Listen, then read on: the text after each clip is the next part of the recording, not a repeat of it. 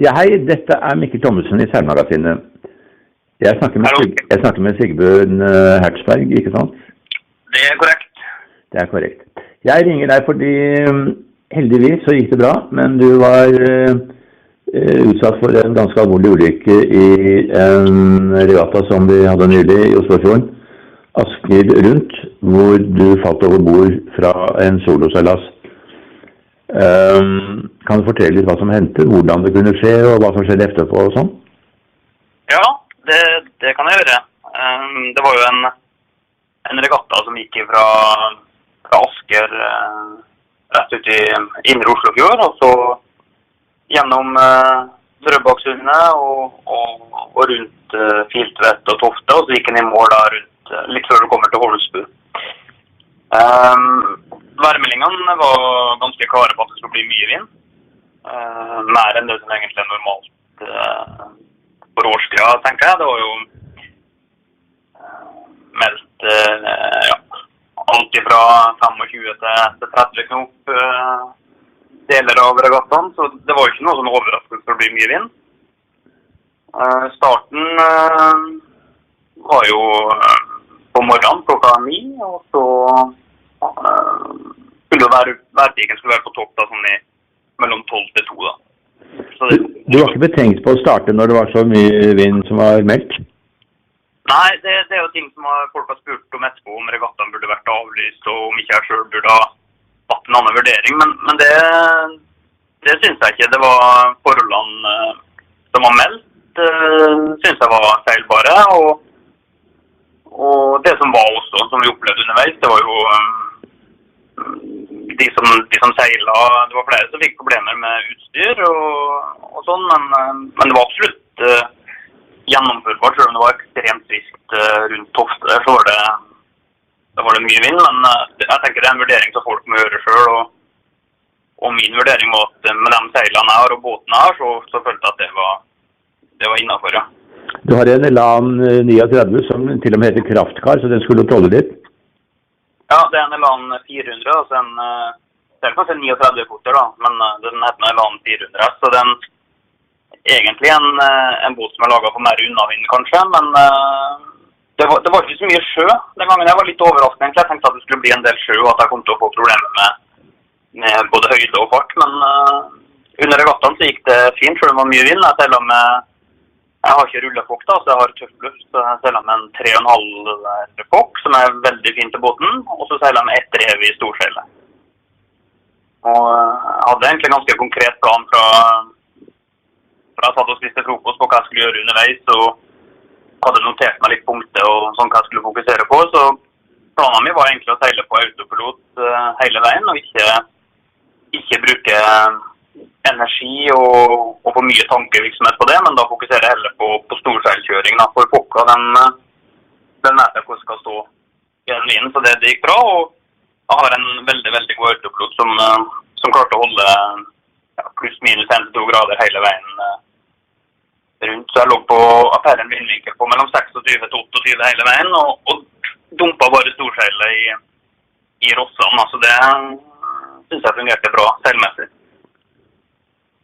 Hvilken retning var vinden? Vinden var sørlig, kanskje litt uh, sørøst, uh, vil jeg si, men uh, dominerende sørlig, da. Så det er på vei ut til Drøbaksundet at det var fikk bedre vinkel utover når du på den ene, ene halvdelen, så det var kanskje litt, litt østavdrag, da, men det var, det var sør mesteparten. Men det ble kryss. Det ble kryss fra start og helt til han da runda Filtvet og kunne begynne å, å slakke litt på, på skjøtet på, på fokka. Hadde jo en plan om å sette outboardskift eh, tidlig, men jeg ville ikke fram på fordekk. Der det, var, det begynte å bli veldig trist da. Da blåste jo um, Vi har iallfall to av de båtene som kom i mål samtidig, som hadde 42 knop. Eh, sand inn i, i masta, og på, på Gullholmen så hadde de jo mer enn det. Da. Så det var, da var det veldig trist. Så det selvfølgelig um, Da var det mye vind. og og fortsatt ikke mye sjø, men eh, det var litt sjø som kom. da. Men det var ikke, sjøen var ikke noe sånn særlig dominerende. Men klart det begynner å bli liten storm, så er det jo uvante forhold her i Indre Oslofjord. da. Ja, fortell videre hva som skjedde.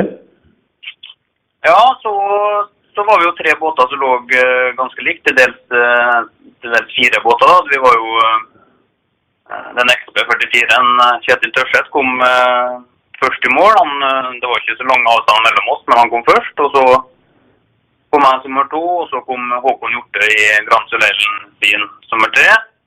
Og så kom den faren som, eh, som fjerdebåt litt etter der igjen.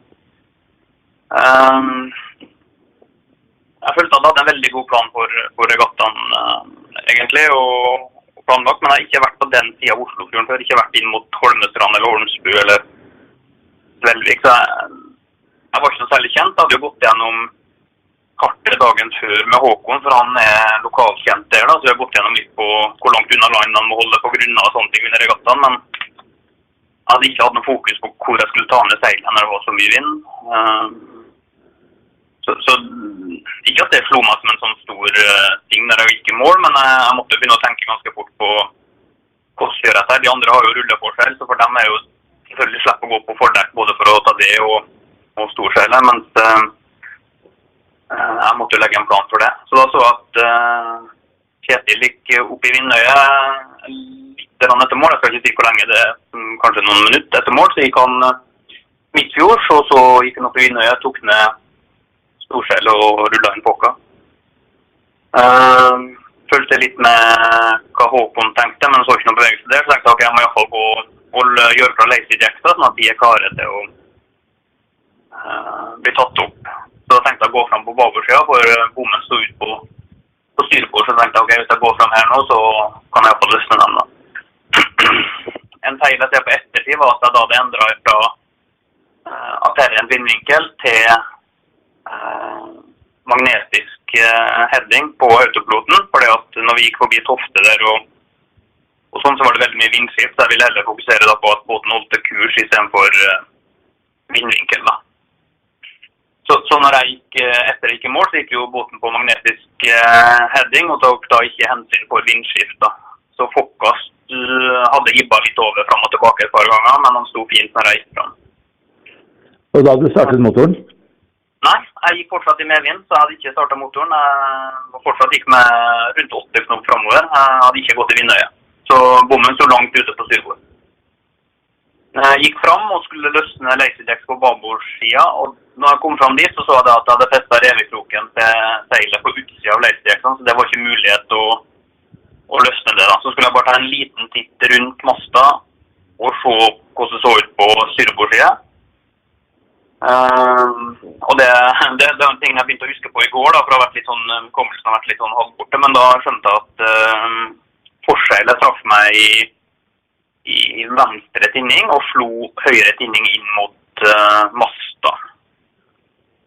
Så det var en stor feilvurdering selvfølgelig å skulle stikke hodet inn der. Det er jo klart ikke så veldig smart. da. Også, men jeg var fortsatt uh, bevisst da, så tenkte jeg når det skjedde at ok, jeg må bare komme meg tilbake til cockpit, og så ta en ny vurdering på hva jeg skal gjøre. Men etter det husker jeg ikke noe, så jeg vet ikke om jeg datt over bord uh, langt framme ved vanta, eller om jeg var helt baki. Det, det, kan jeg ikke si, da. Var det fordi du mistet balansen, eller ble du slått over bord av bommen? Uh, nei, bommen var det iallfall ikke. Det har jeg fått bekrefta av Håkon etterpå, for det, det er noe jeg husker når jeg når jeg kom til meg sjøl og så båten forsvant, så så jeg da at bommen fortsatt sto ute på styrbordssida. Så bommen var det ikke, men jeg tenkte at det, det smellet på høyre og venstre tinning gjorde at jeg sikkert mista bevisstheten på vei tilbake. Da. Så jeg, jeg tror ikke jeg mista um, balansen heller. Da. Uten, jeg har ikke noen sånn god forklaring på det, men det, det tror jeg ikke. Um, så jeg tror jeg bare Jeg ser at jeg er ganske forslått på føtter og sånn, så jeg er sikkert uh, rekke vaiere, i rekkevaier noe han gikk over bord. Iallfall ganske, ganske mye blåmerker nedover leggene, så jeg sikkert rota meg borti noe på vei over bordet. Mm, og da hadde du selvfølgelig ikke sikkerhetssele på det. Du hadde vest, men ikke sikkerhetssele. Ja, og det er jo litt interessant, da, for jeg har en Spinlock-vest, sånn 5D-vest, 275 Newton vest.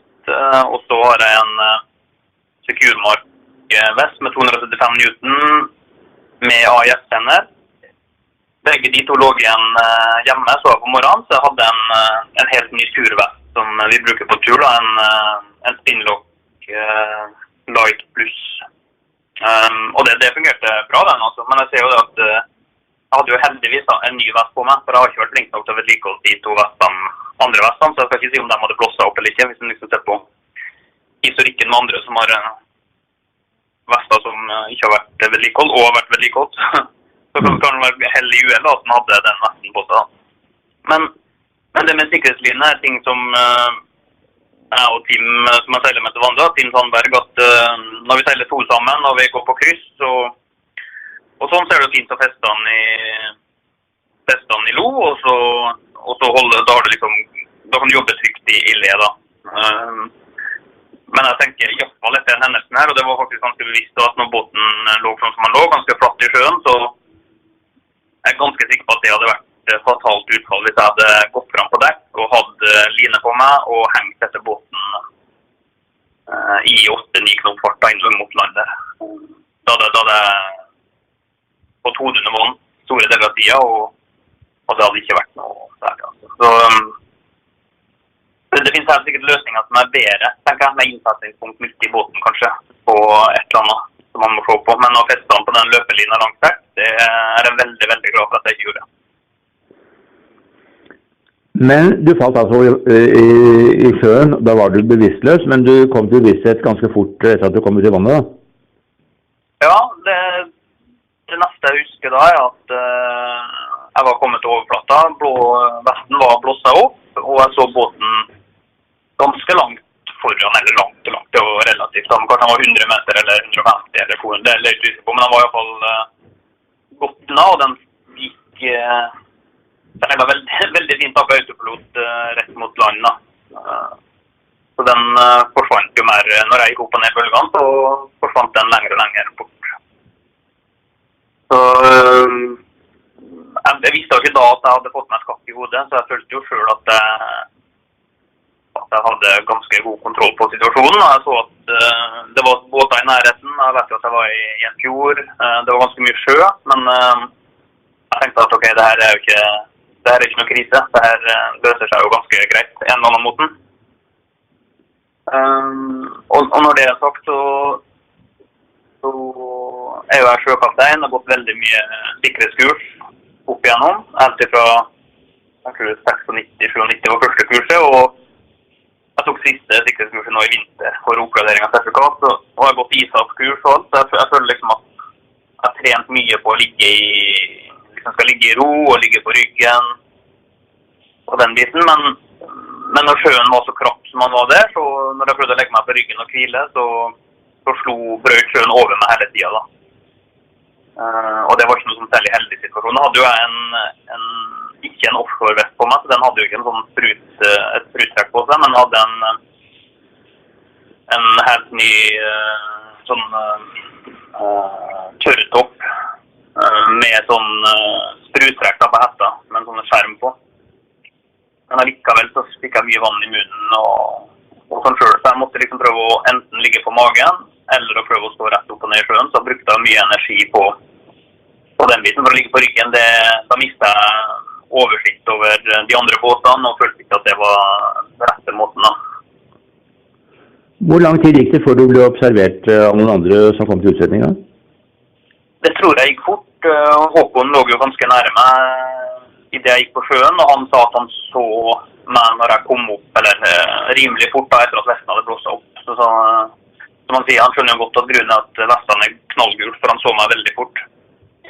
Så da hadde jo han både storseilet oppe og, og fokka si oppe, så han måtte jo, og var ikke klar for å ta ned, for han uh, hadde en tanke om å ta en kuvending lenger inne, og så gå inn til Holmsbu og ta ned seilene rett utafor for anlegget der. Da. Så han hadde en litt bedre plan enn det jeg hadde. Så han måtte jo da rigge seg til og, og dumpe seila. Uh, Kjetil Espen hadde jo fått med seg gikk på motor inn mot land. Uh, han var ikke så utrolig langt unna, og jeg prøvde å rope alt jeg kunne, men, uh, men han hørte ikke det i den vinden som var da. Så Håkon fikk jo jeg fulgt med på hele tida, så han gikk jo opp mot vinden og rulla inn fokka veldig fint. Storskjellet ville ikke ned, sånn som jeg kunne se det. Det gikk ned gikk ned kanskje to tredjedeler, men siste fliken satt igjen. og Det tror jeg var vanskelig for han å, å kontrollere båten når det var oppe i såpass mye den linjen. Så det gikk jo tida fort. Han oppdaga meg fort. og lå rundt meg mens han tok ned seilene. og så, Men at han var alene i tillegg da, og skal følge med meg og uh, følge med egen båt, ta ned seil, sørge for at det ikke er tau i sjøen og sånn, det er klart det er utfordrende for hans del også. da. Men han så deg hele tiden, sånn at han mistet aldri deg av syne? Ja, det gjorde noe. Etter hvert så, oppdaga jo oppdaga jo Kjetil at båten min gikk rett mot land. At han hadde prøvd å rope meg på ØFN, men det svarte jo ingen. Så da snudde han og gikk utover. Han hadde jo for så vidt forberedt seg med et system for å løfte opp uh, via fall da, med en litt lengre line og litt sånn. Så pga. hendelsen som skjedde med, med Håkon og Marius i sommer, så har det vært en, en, en snakk i shortended-miljøet. Så, så det har liksom vært en ting som vi har, uh, har diskutert. Han har vært litt tro det. Men klart, det er ikke rigga på to sekunder heller. Det tar tid. da, så Det gikk faktisk raskere at Håkon jobba med det og, og fikk meg opp, enn at uh, Kjetil fikk klart sitt system. da, har ikke snakka så mye med Kjetil om, om uh, akkurat hvor lang tid han var før han var klar. Men, uh, men det, må, det var ikke så enkelt som vi trodde, nei. Og så fikk han kontroll på seilene og og, og nærmet seg deg for å trekke deg opp i sin båt? Ja, da fikk han iallfall delvis, eh, delvis eh, kontroll, ja. Eh, de var ikke helt nede, men han hadde iallfall kontroll. Han kjenner jo sin egen båt veldig godt. Og, og Håkon en Jeg kjenner jo han fra, fra tidligere òg. Jeg vet at han er veldig veldig flink seiler. Veldig erfaren. Seila siden han var liten. Har veldig praktisk forståelse. så jeg følte at han gjorde de tingene for rett. Han kasta en kasteline til meg som jeg fikk tak i. Eh, I mitt hode så var jeg sikker på at det var en ring eller et eller annet i enden på det tauet som jeg kunne holde i eller ha rundt meg eller et eller annet. Men uh, når jeg kom til enden, så var det bare en gutt ende, for å si sånn. Det var ikke noe mer. Så da måtte jeg holde fast med hendene der, da. Og jeg var litt redd for å ta det rundt hendene mine i tilfelle at noe skjedde. Så jeg prøvde å holde med vanlige grep. Det gikk bra det så lenge eh, båten lå i ro, men Håkon drev jo mot grunna og måtte gå opp mot vinden og litt sånn. Og, og da mista jeg taket på den flere ganger, da. Eh, og når han gikk rundt, da hadde kanskje en uh, Jeg vet ikke hvor svart han hadde for å komme litt rundt, men han hadde kanskje en, en halv knop eller en knop. Og da jeg holdt fast tauet, så dro jeg kroppen under sjøen. da. så det er litt av grunnen til at jeg tror sikkerhetsline er ikke optimalt. For jeg tenker at når jeg allerede med så liten fart ikke klarte å holde meg over vann med hodet, så tenker jeg at sikkerhetslinje kan være litt skummelt. Eller være veldig, veldig veldig skummelt. Um, og så um, fikk Håkon rigga til et fall fra toppen og gjorde det klart på skuddssida. Og så fikk jeg manøvrert sånn at jeg kom inn på styrbordssida på båten. og Da gikk det egentlig fint. Han dro meg inn med den lina, så jeg fikk tak i fallet. Jeg holdt, holdt i fallet godt, og i ettertid så, så jeg ikke noe særlig av det, men Håkon har spurt meg om jeg hadde løftestropp og om jeg var klar til å bli løfta og sånn. Og jeg hadde sagt uh, ja på det, bekrefta. Uh, eh, men, uh, men, det var jeg ikke selvfølgelig. På hodet var ikke helt med. Så jeg hadde, om jeg mista den lina, eller om jeg slapp den, eller fallet Om jeg slapp fallet eller mista det, det vet jeg ikke. Men plutselig så hang det i toppen av masta rett ut, for da hadde vinden tatt det. Da måtte Håkon selvfølgelig snu seg om igjen og prøve å få tak i et nytt fall. Og i den tida der, så vet jeg ikke om han la båten sjøl eller om han uh, vinden tok det, men da la han seg tvers på vinden, så da var det veldig lite bevegelse bak hekken. da. Uh, vi hadde for så vidt vært enige om at jeg ikke skulle komme inn på hekken, for det vet vi begge er veldig uh, risikofylt. For at hekken ligger og slår der, og får hodet under der, da er det ille kveld. men akkurat da så lå faktisk hekken ganske ro, så jeg fikk svømt meg inn dit. Og så fikk jeg tak i han har et lite trinn da, litt oppafor første steg på balkongen. Fikk jeg tak der. Og så tenkte jeg OK, nå, nå er jeg iallfall redda. Nå er det bare å dra meg opp her. Men, men jeg var helt tom for krefter og var kald. Sjøen var 19 grader i sjøen, så var jeg begynt å bli eh, kald. Tom for krefter. Og eh, selvfølgelig Håkon var selvfølgelig veldig veldig sliten, han. Hadde seilt en, en regatta som var hard. Og, og så holdt på med det her i tillegg. Men jeg tenker at det var Håkon som fikk mobilisert mest krefter, så han fikk meg såpass opp at jeg fikk kneet opp på, på det nederste trinnet og fikk eh, dratt meg om bord. Så da, da endte det godt der. Men da var Håkon svært nær å gå på grunn sjøl. Da var han helt inne med, med land sjøl. Altså, hvis jeg hadde kommet meg opp da, så tenker jeg da hadde, hadde jeg vel drevet innover mot land. og Da var det noen steinbrygger og, og sånn forskjellig innover der. da, så da det er litt uh, vanskelig å spå hva som hadde skjedd da. Men uh, ja, jeg tenker at hadde vel kommet meg opp kanskje da på et eller annet vis. Men det var en ekstremt befriende følelse å komme om bord i, i båten til Håkon. Det skjønner jeg. Og din egen båt den var da på god vei mot land, eller kanskje allerede gått på land? Det tenker jeg han hadde gjort, da, at han allerede gått i land. Det, jeg tenkte veldig lite på den, uh, egentlig. For det, det, var ikke noe han kunne gjøre noe med likevel. Det var uh, Jeg så jo det at han gikk innover mot ei bukt, da. Så det var liksom ikke så mye jeg kunne gjøre med. Så den gikk innover, og når den traff uh, Det ser ut som han ligger ekstremt fint. Han ligger eller han ligger ytterst på, på leirbunn, så han traff jo rolig Gikk sikkert et stykke innover der, og så lå han over på sida mens seilene eh, lå og blafra. Så De tok redningsskøyta når de kom da etter hvert og tok ned seilene og sånn, og da retta han seg opp. da, så Nå står han egentlig rett opp og ned, da, med vekt, litt vekk på kjølen og litt på skroget, da, litt avhengig av klo og fjære. Så den står der fremdeles? Ja, nå er det jo eh, er det jo De holder på å løfte nå, faktisk. Så um, jeg regner med at han ligger oppå en uh, hovedvannledning til Svelvik, så de var veldig redd for det. Men uh, det har vært uh, folk om bord, og de tør å finne båten. og Det er ikke noe det er ikke ut som det er noe skade verken på, på ja, iallfall på båt, som du kan se med, med øyet. Det er ikke noe fukt eller noe rundt kjølbolten eller noe, så jeg tror han er bra.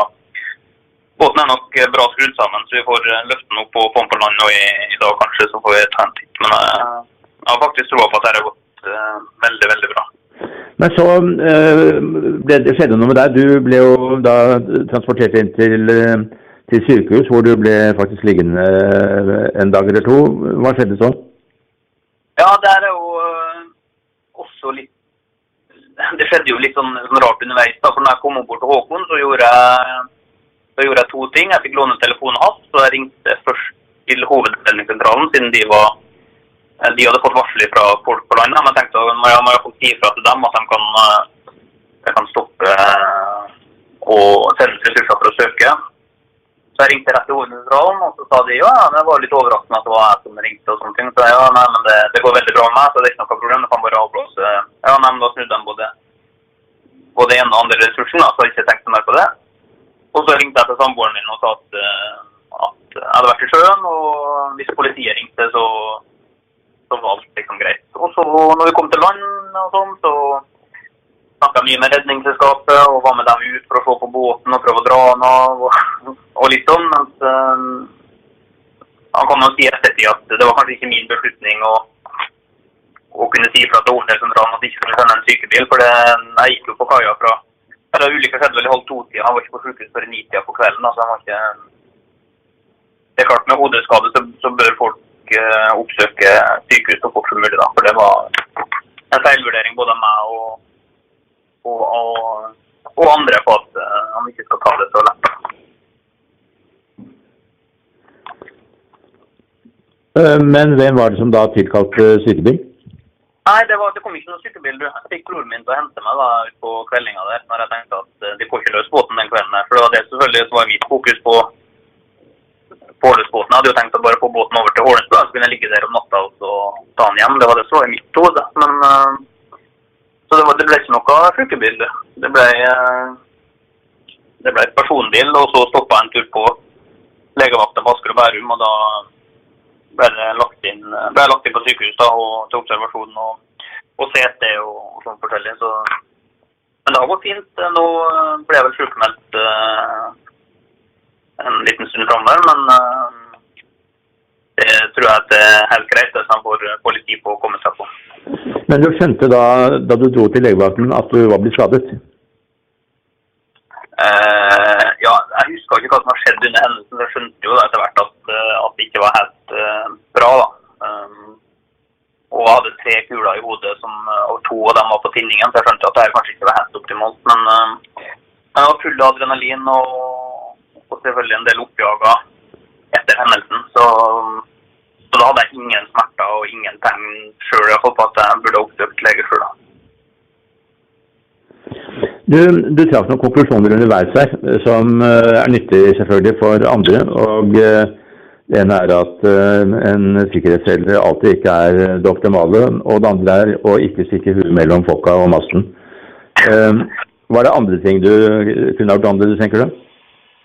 Jeg, jeg, tenker jo sånn som, sånn som det er liksom en vanlig tanke i dagens liv, er at jobben er ikke ferdig før man er enten kommet trygt hjem, eller om man liksom er helt ferdig med jobben. Og samme er det under seiling. og at Man må, må ikke senke skuldrene og, og, og, slippe At man har fokus da, til man kommer til mål. For det er klart, jeg, jeg vet jo at den tingen jeg gjorde der, var jo utrolig, utrolig dum. og jo at det ikke burde vært gjort. Men jeg var veldig fokusert under regattaen og hadde hadde liksom det som et stort mål, og så var jeg ikke fokusert nok når jeg skulle eh, ta ned seil og gjøre klart å gå til kai. da, for å si Det sånn. Det var, det var, det var hovedfeilen. Akkurat det med ja, Det andre ting jeg kan ta lærdom av, det med med å bruke vest. Det er jo ingen tvil om at jeg har vært eh, litt sløv på å bruke vest sjøl ofte, men eh, jeg tenker at det er noe man må vurdere sjøl, det òg, etter eh,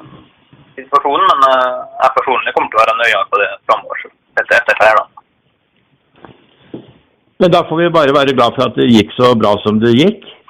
Og at uh, du er hel, kanskje trenger litt tid til å restituere deg. Uh, og at båten tilsynelatende også er uh, relativt uskadd. Og at du er fit for fight i nye dyster senere, kanskje allerede i år. Ja, det får vi satse på. Det blir spennende dager nå å få båten opp og se hvordan det går. Og så får han, uh, har fått veldig god hjelp fra, fra, flinke folk som skal hjelpe meg framover med båt og seil og sånne ting. Så det tror jeg blir, uh, det tror jeg blir bra. Veldig fint. Takk for praten. Ja, takk det samme. Ha det bra. Hei.